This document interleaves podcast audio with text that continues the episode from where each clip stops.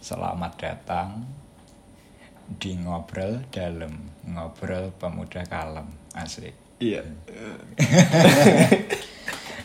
Pemuda kalem karena kita ini masih muda dan kita kalem, Wah, kalem sekali. nyantai aja ngomongnya. Enggak bisa sak itu. Oh, iya.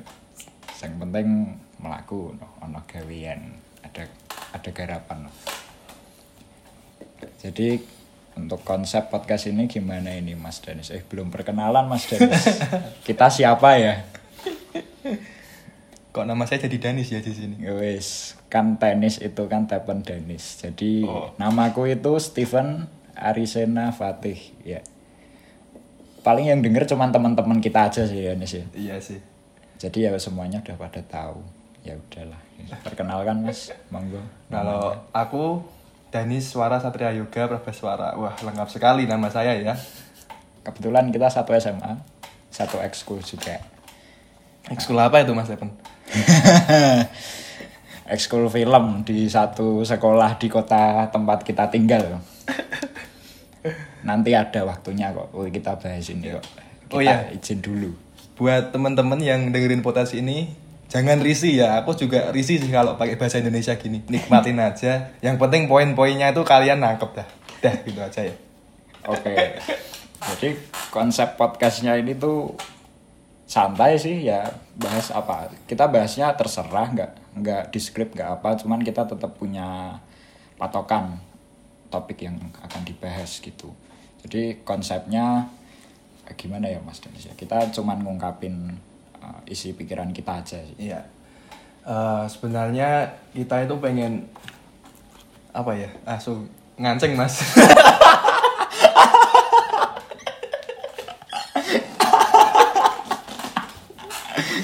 oke nganceng siap Eh. ya sebenarnya tuh kita pengen eh, pendengar itu ada temennya gitu yang susah tuh nggak hanya kalian kita juga masih survive dengan kehidupan. Nggak kalian aja yang susah kita pun juga susah. Jadi dengan potensi ini aku harap kalian tuh memandang hidup tuh lebih kalem gitu. Jangan merasa hidup kalian yang paling susah. Masih ada kok yang lebih susah lagi daripada kalian. Jadi kalem aja. Siapa mas? Lebih susah. Kamu mas. Enggak, aku udah hidupku udah, udah begitu sulit ya. Disyukuri aja. Bisa. Kita tetap bakal bahas topik yang menurut kita bisa bermanfaat buat orang mungkin kalau nggak bermanfaat ya udah nggak apa-apa ini kita juga nggak berharap ada yang dengerin kok malah yang dengerin juga kita berdua Oke Mas Dennis, kita masuk ke topik aja nih. Topiknya ini cukup Wah, buat sekali. buat kalangan-kalangan anak-anak SMA nih yang kelas 3. waduh jadi nostalgia saya mas Kayak tahun ini. Kentas jadi maba. hiperbola sedikit lah. Jadi ini kita bakalan bahas persiapan masuk ke kampus. Wah. berat sekali topiknya ya mas ya Ya, buat mereka berat, buat kita enggak, kita udah masuk. oh iya udah terima ya Siapa? terus udah nanti aja itu Itu nanti. itu nanti itu Oke, jadi masuk kampus ini untuk sebagian besar para siswa SMA itu menjadi momok. kayak ada barrier yang besar gitu ya kalau kelas 3 itu Ya, ada yang uh, masih bingung mau milih kampus mana nih, mau masuk negeri atau swasta, swasta di mana, negeri di mana, mau ngambil jurusan apa? Masih bingung, ada yang begitu. Ada yang udah tahu tapi nggak boleh orang tuanya. Iya. Kasihan itu. Itu kasihan sekali. Itu stresnya wah kalau udah ke orang tua itu sulit. Iya iya iya tapi di sini kita coba bakal bahas tentang persiapannya dulu aja pasti aku paham kok kalian itu sekarang lagi di fase masih bingung-bingungnya antara milih metode belajar yang gimana, milih kampus di mana, jurusan di mana. Ya. ya modaro kan tau maksud Terima kasih udah melanjutkan.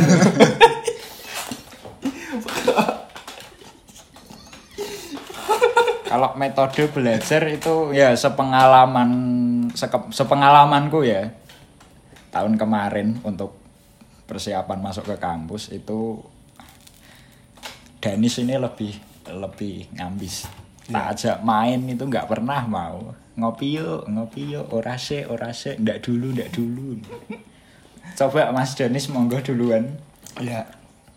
Aku dulu bisa gitu karena dari awal semester kelas 3 itu aku udah yakin dengan tujuanku, udah mantep mau masuk ke PTN dan jurusan yang aku inginkan.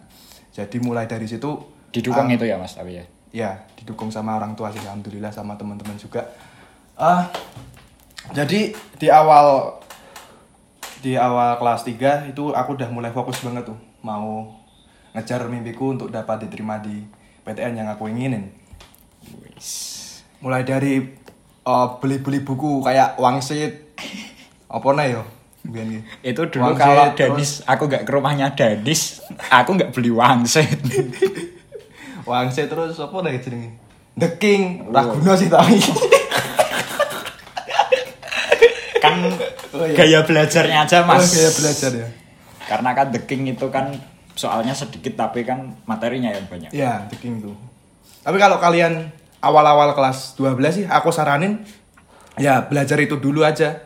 Yang enteng-enteng lah, belum tahu depannya soalnya. Jadi ya Nanti belajarnya udah tenanan, yang keluar beda. Iya. Iya. yang penting kamu eh kalian t- setiap harinya itu ada progres belajar gitu. Ya yang enteng-enteng aja dulu. Kalau yang langsung berat nanti nggak ada mood buat belajar kan yuk susah. malah misalnya ya. Ke dia. Oh iya, oh iya, aku touring bareng. Di backgroundnya backgroundnya dulu dong Mas Danis kan apa yang kamu ambil ini tuh rumpunnya itu apa jurusannya terus kamu Iya. itu dari SMA-nya itu jurusannya apa Oh iya. Jadi aku dulu SMA-nya IPA. Karena merasa salah jurusan dan nggak cocok, aku mutusin untuk linjur. Maka dari itu aku ngabisnya dari awal semester.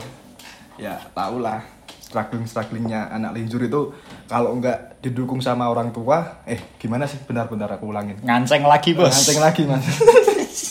ya strugglingnya anak-anak linjur itu biasanya kalau nggak kena mental sama teman-temannya yang belajar, ya nggak yakin sama dirinya sendiri. Padahal mampu. enggak enggak enggak enggak mampu metode belajarnya gimana berarti mas? Intinya kalau masih di waktu-waktu sekarang tipis-tipis aja gitu. Ya tipis-tipis saja dulu. Sepengalamanku kalau di awal semester ini langsung digas belajar banyak tuh di akhir semester nanti udah bosen belajar gitu loh. pengalaman ya mas ya? Males belajar kayak udah nggak tahu mau Ya. belajar apa kayak nggak tahu mau belajar apa kayak udah merasa ngelotok banget menguasai ilmunya padahal ya belum jadi berarti untuk persiapan ah, belajarnya ya tipis-tipis aja Ya. karena kan masih ada SNMPTN juga kan ya SNMPTN yang regulasinya tahun depan seperti apa aku ya nggak tahu. Oh iya. Kan kayak ada rasionalisasi apalah itu. Oh iya. Sekeras keras mau belajar UTBK sekarang bakal kalah sama regulasi SBM tahunmu nanti. Kan belum ada belum keluar kan? Nah, nanti tahu-tahu gaya soalnya beda gitu sifat soalnya beda. Lebih sulit lagi ya percuma juga nanti. Kalau bisa sih nganu ke SNM dulu diusahain sekolahnya. Jangan sekolahnya di los. Ya. Buat UTBK tapi juga jangan berharap SNMPTN tuh kalau kata-katanya ya mayoritas orang kan gaca gaca gaca sekali. Kalau aku boleh nyaranin nih awal-awal kelas 3 itu belajarnya tipis-tipis aja dulu. Kalian sambil bagi waktu lah belajar bagi waktu antara bagi eh, sekolah sama belajar UTBK karena kenapa? Karena di semester depan nanti jadwal kalian tuh lebih padat lagi. Kalau sekarang kalian udah bisa bagi waktu antara belajar dengan yang lainnya aku yakin kok kalian semester 2 nanti udah kayak auto autoplay apa bacanya ya? Autopilot gitu bacanya autopilot. Autopilot. udah secara tanpa sadar ya? Ya bisa membagi waktunya lebih mudah. Ya gitu sih. Udah terbiasa dulu. Bagi waktu penting banget sumpah Eh, iya tapi jangan lupa bagi waktu sama sama keluarga lah. Waktu sama keluarga itu juga nggak kalah penting. Karena sekeras kerasnya kalian belajar sepinter pinternya kalian nggak dapat restu ya nggak bisa juga gitu. Pengalaman ya mas? Iya.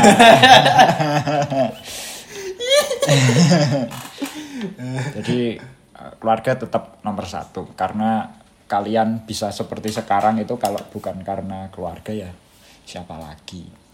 Ibadahnya juga dikencengin Mm, kalau mau UTBK mau masuk kampus itu jaminan pasti kalian bakalan di fase di mana kalian itu bener-bener deket sama Tuhan kalian. Ya. Setelah itu, setelah pengumuman nanti ya los lagi. Ada yang minum, bu, gitu. Ada, ada, ada pasti nanti. pengalamannya mas Enggak Oh. juga. Enggak kok. Tapi ada pasti kayak gitu. Karena itu memang sifat manusia itu memang sudah seperti itu. Kalau yang muslim pasti nanti puasa, puasa, puasa, puasa. kalau habis udah BK mendem mendem mendem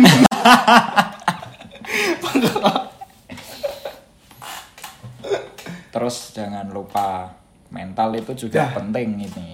Mental. itu yang dasar untuk sukses UTBK itu menurutku mental itu Kalau kalian belajar banyak mental kalian kena di ruang tes ya sudah. wes. Buyar. langsung nangis nah nggak ada mbak nangis opo iki ra aku Metu ruangan nangis ya. jebule ketompo Soalnya pada saat itu saya ikut SBM waktu keluar ruangan itu ada yang keluar jalan tatapannya kosong lemas gitu. Kasihan. kena mental ini. kena mental. Pokoknya apa ya? Ya keberuntungan itu tetap Ya. karena nggak mungkin juga materi UTBK yang sebanyak itu yang diujikan nanti yang keluar kan paling cuman sepersekian cuman sekian persen. Nggak semuanya keluar. Jadinya mungkin yang kalian pelajari dengan maksimal yang kalian kuasai itu kemungkinan bisa nggak keluar malah ya pengalaman lagi. Pengalaman dan mental. Kalau udah nggak keluar ya jangan putus semangat langsung ngeblank. Belajar nembak. Nembak jangan lupa nembak. Jawaban itu juga penting. Mungkin diba- kita bahas ini ya alurnya dulu. Ya. alur alur alurnya itu kalau di tahunku kemarin pengalamanku jalur masuk PTN tuh ada banyak ya. Ada jalur prestasi SBM SNM ujian mandiri IUP di beberapa kampus. IUP itu apa ya mas? IUP itu yang Inggris itu ya? yang internasional kelas internasional mas. Biayanya daftar tuh juga mahal nih mas. Ada tiga gelombang sih. Eh nanti sih weh ini tak urut ke dulu. Oke. Eh, pokoknya IUP itu berarti yang kelas ya internasional yang kelas internasional. Kalau nanti mulai Januari itu di UGM kayaknya loh udah keluar jalur IUP gelombang pertama. Tuh yang gelombang pertama keluar loh kalian yang minat di IUP bisa daftar. Cepat-cepat daftar lah. Cepat-cepat bahasa Indonesia apa? Siap persiapan ya? Disi- disiapkan. disiapin untuk daftar antara bulan Januari Kalau yang Februari mau lah. ya. kalau yang mau. Dan punya biaya. Karena biayanya nggak sedikit. Uh, berapa? Oh mahal sekali mas. Daftar tuh 1,5 mas saya mas. Juta. Gak jadi daftar. 1,5 juta 1,5. buat daftar Buat daftar aja. Satu jurusan ya. satu jurusan Jadi kalau dua ya 3 Tiga juta. itu bisa di refund nggak ya kalau nggak masuk Bisa mas di refund mas. Tiga plok rektore saya tapi.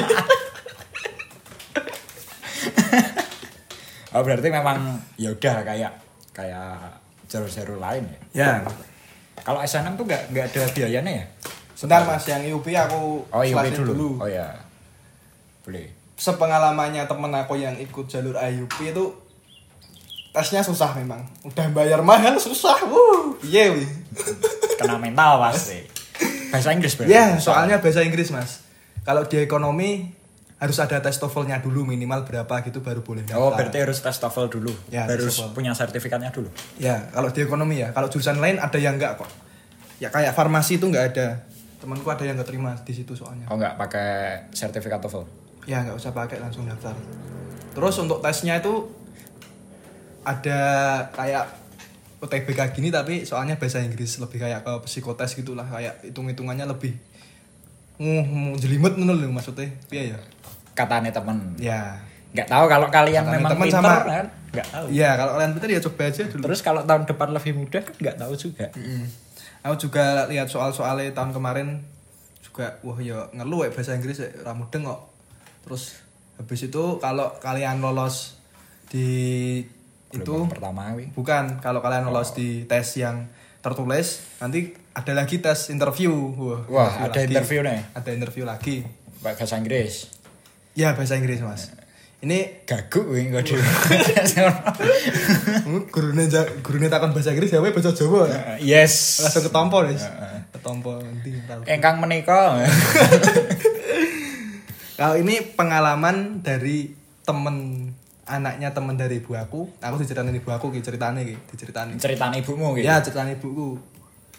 Interviewnya itu lebih ke gimana ya pribadi seseorangnya. Jadi pertanyaannya itu bukan pertanyaan yang eh, satu tambah satu berapa bukannya esak gitu, tapi lebih ke kayak wawancara kerja gitu, lebih pola pikir Ya, pola pikir lebih kalau ada soal kalau ada persoalan seperti ini eh, pendapatmu gimana nih? Solusinya Ya. seperti apa? Kayak gitu. Ya lebih ke situ sih, lebih ke kepribadian lah. oh. Kalau aku nggak salah nginget itu ada interview tentang per- bagaimana pendapatmu tentang LGBT atau ya ya hal-hal yang semacam itulah. Oh. Lebih ke gitu-gitu sih arahnya sih. Jadi ya berat banget interviewnya.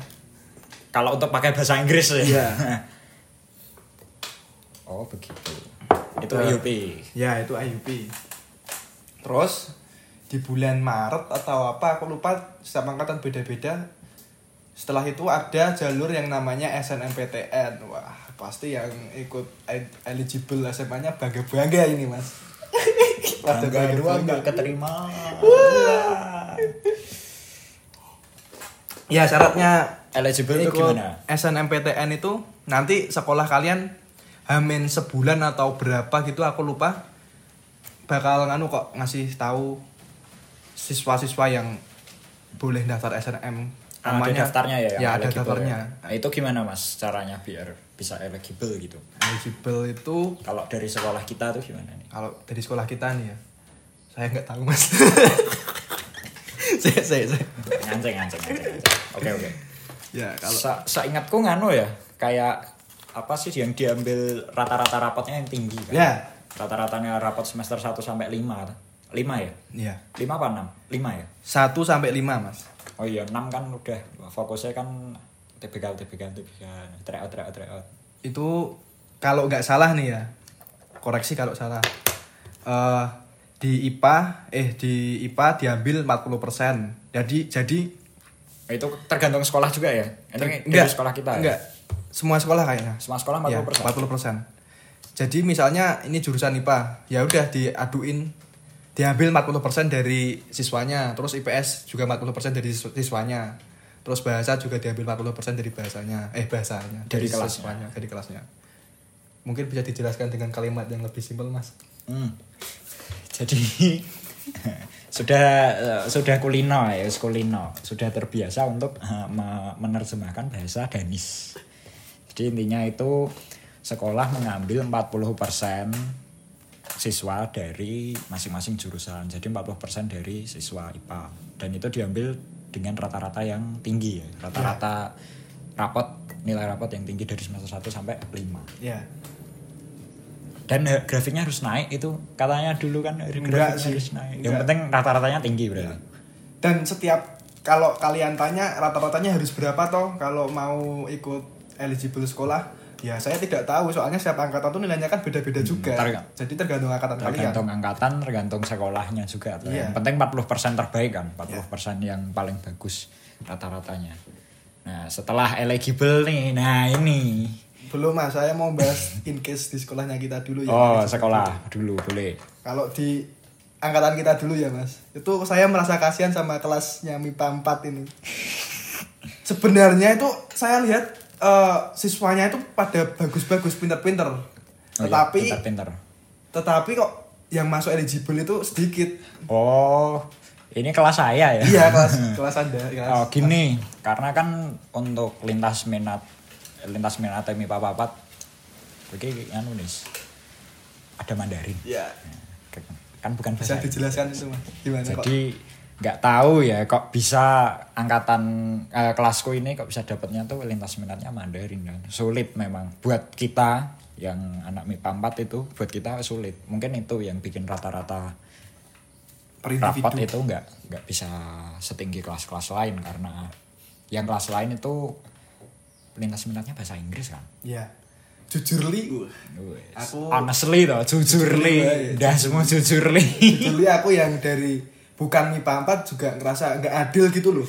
Kayak semua kelas IPA itu Tapi kan kamu minatnya ngerasain toh? bahasa Inggris semua dan dan yang MIPA 4 tuh cuma bahasa bahasa Mandarin. Jadi kan kalau diadu pengetahuan Mandarin sama bahasa Inggris tiap orang kan juga Nggak- nggak apple to apple ya? Iya, Nggak- nggak nggak bisa. adil gitu. Jadi ya yang masuk cuma berapa dua orang ya nggak tahu. yang jelas aku nggak masuk. gara-gara Mandarin. Nggak tahu. Nggak tahu. Udah lewat udah nggak apa-apa. Ya itu mungkin bisa buat referensi kalian untuk kelas-kelas yang dapat lintas minat yang nggak enak karena dipaksa.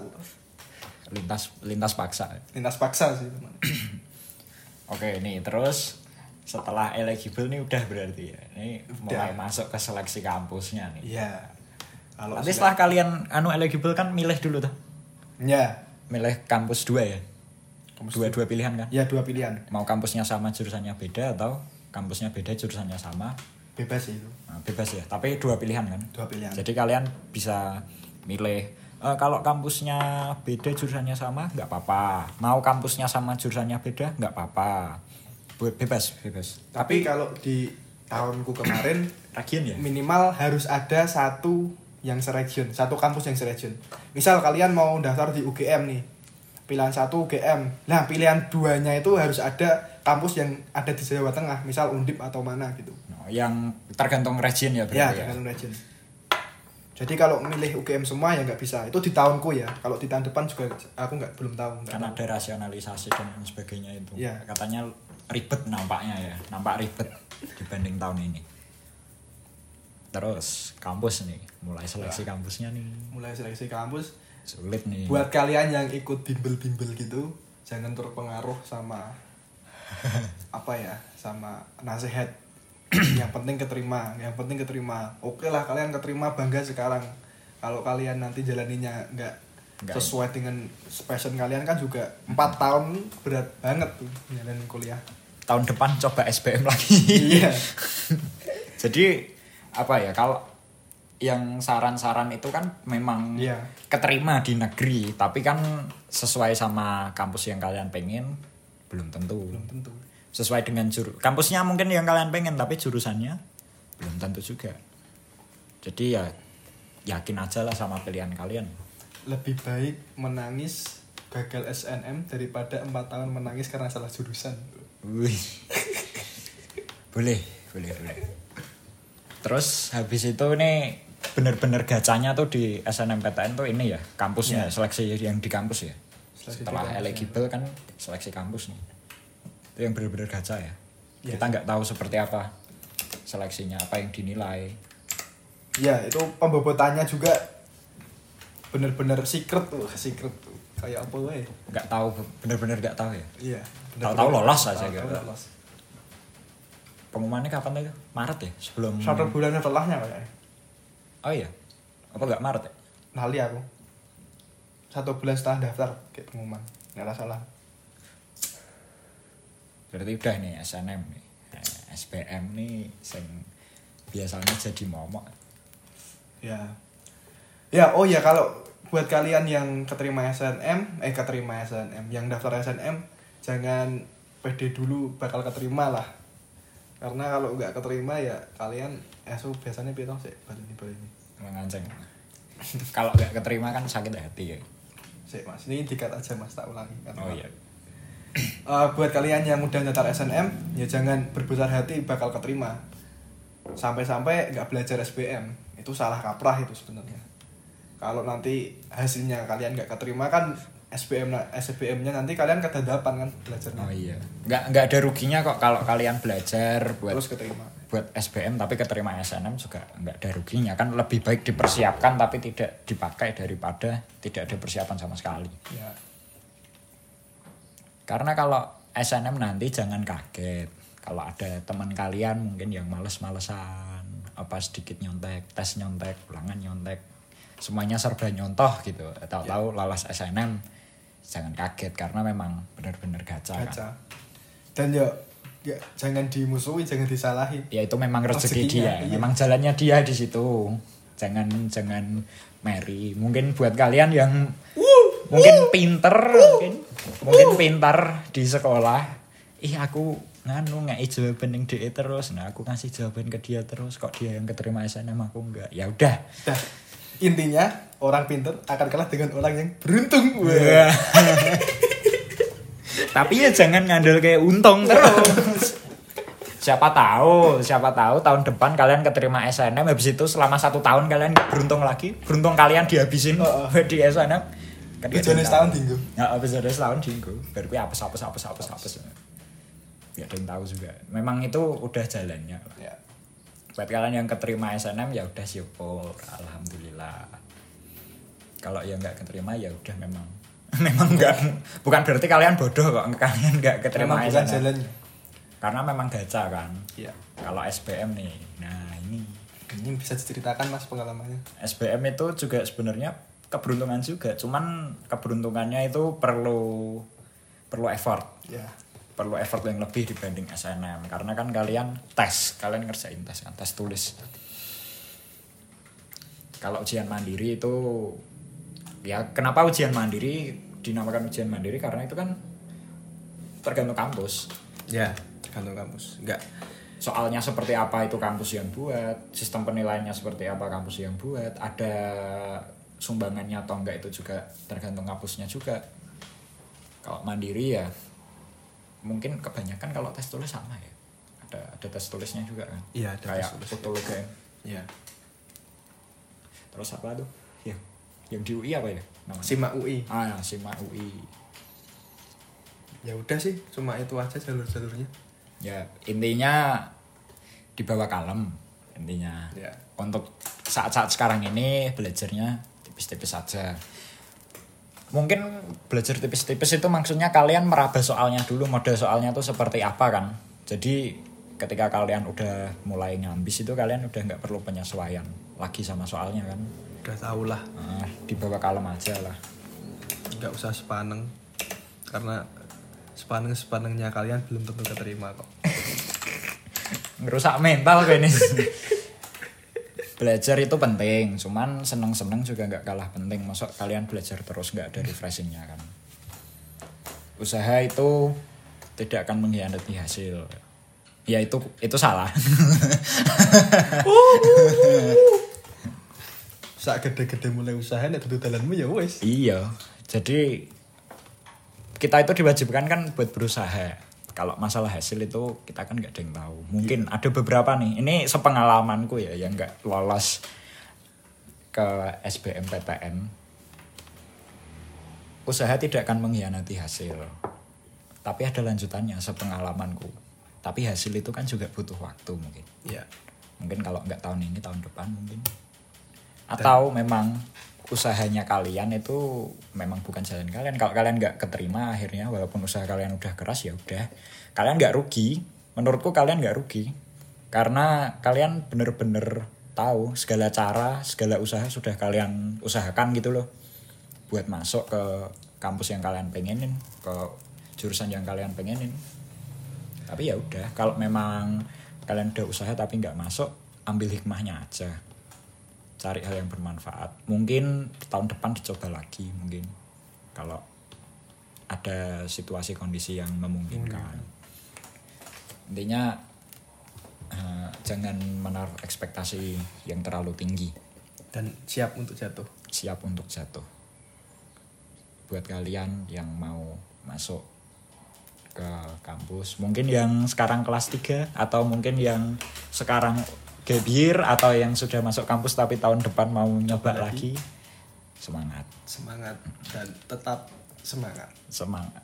Tapi kalian untuk kalian yang Loh, anak closing dong. Ah, untuk kalian anak-anak SMA kalian bakalan kalah sama yang sudah kuliah tapi nyoba lagi. Karena buat yang udah kuliah tahun kemarin atau tahun ini kan sudah nyoba.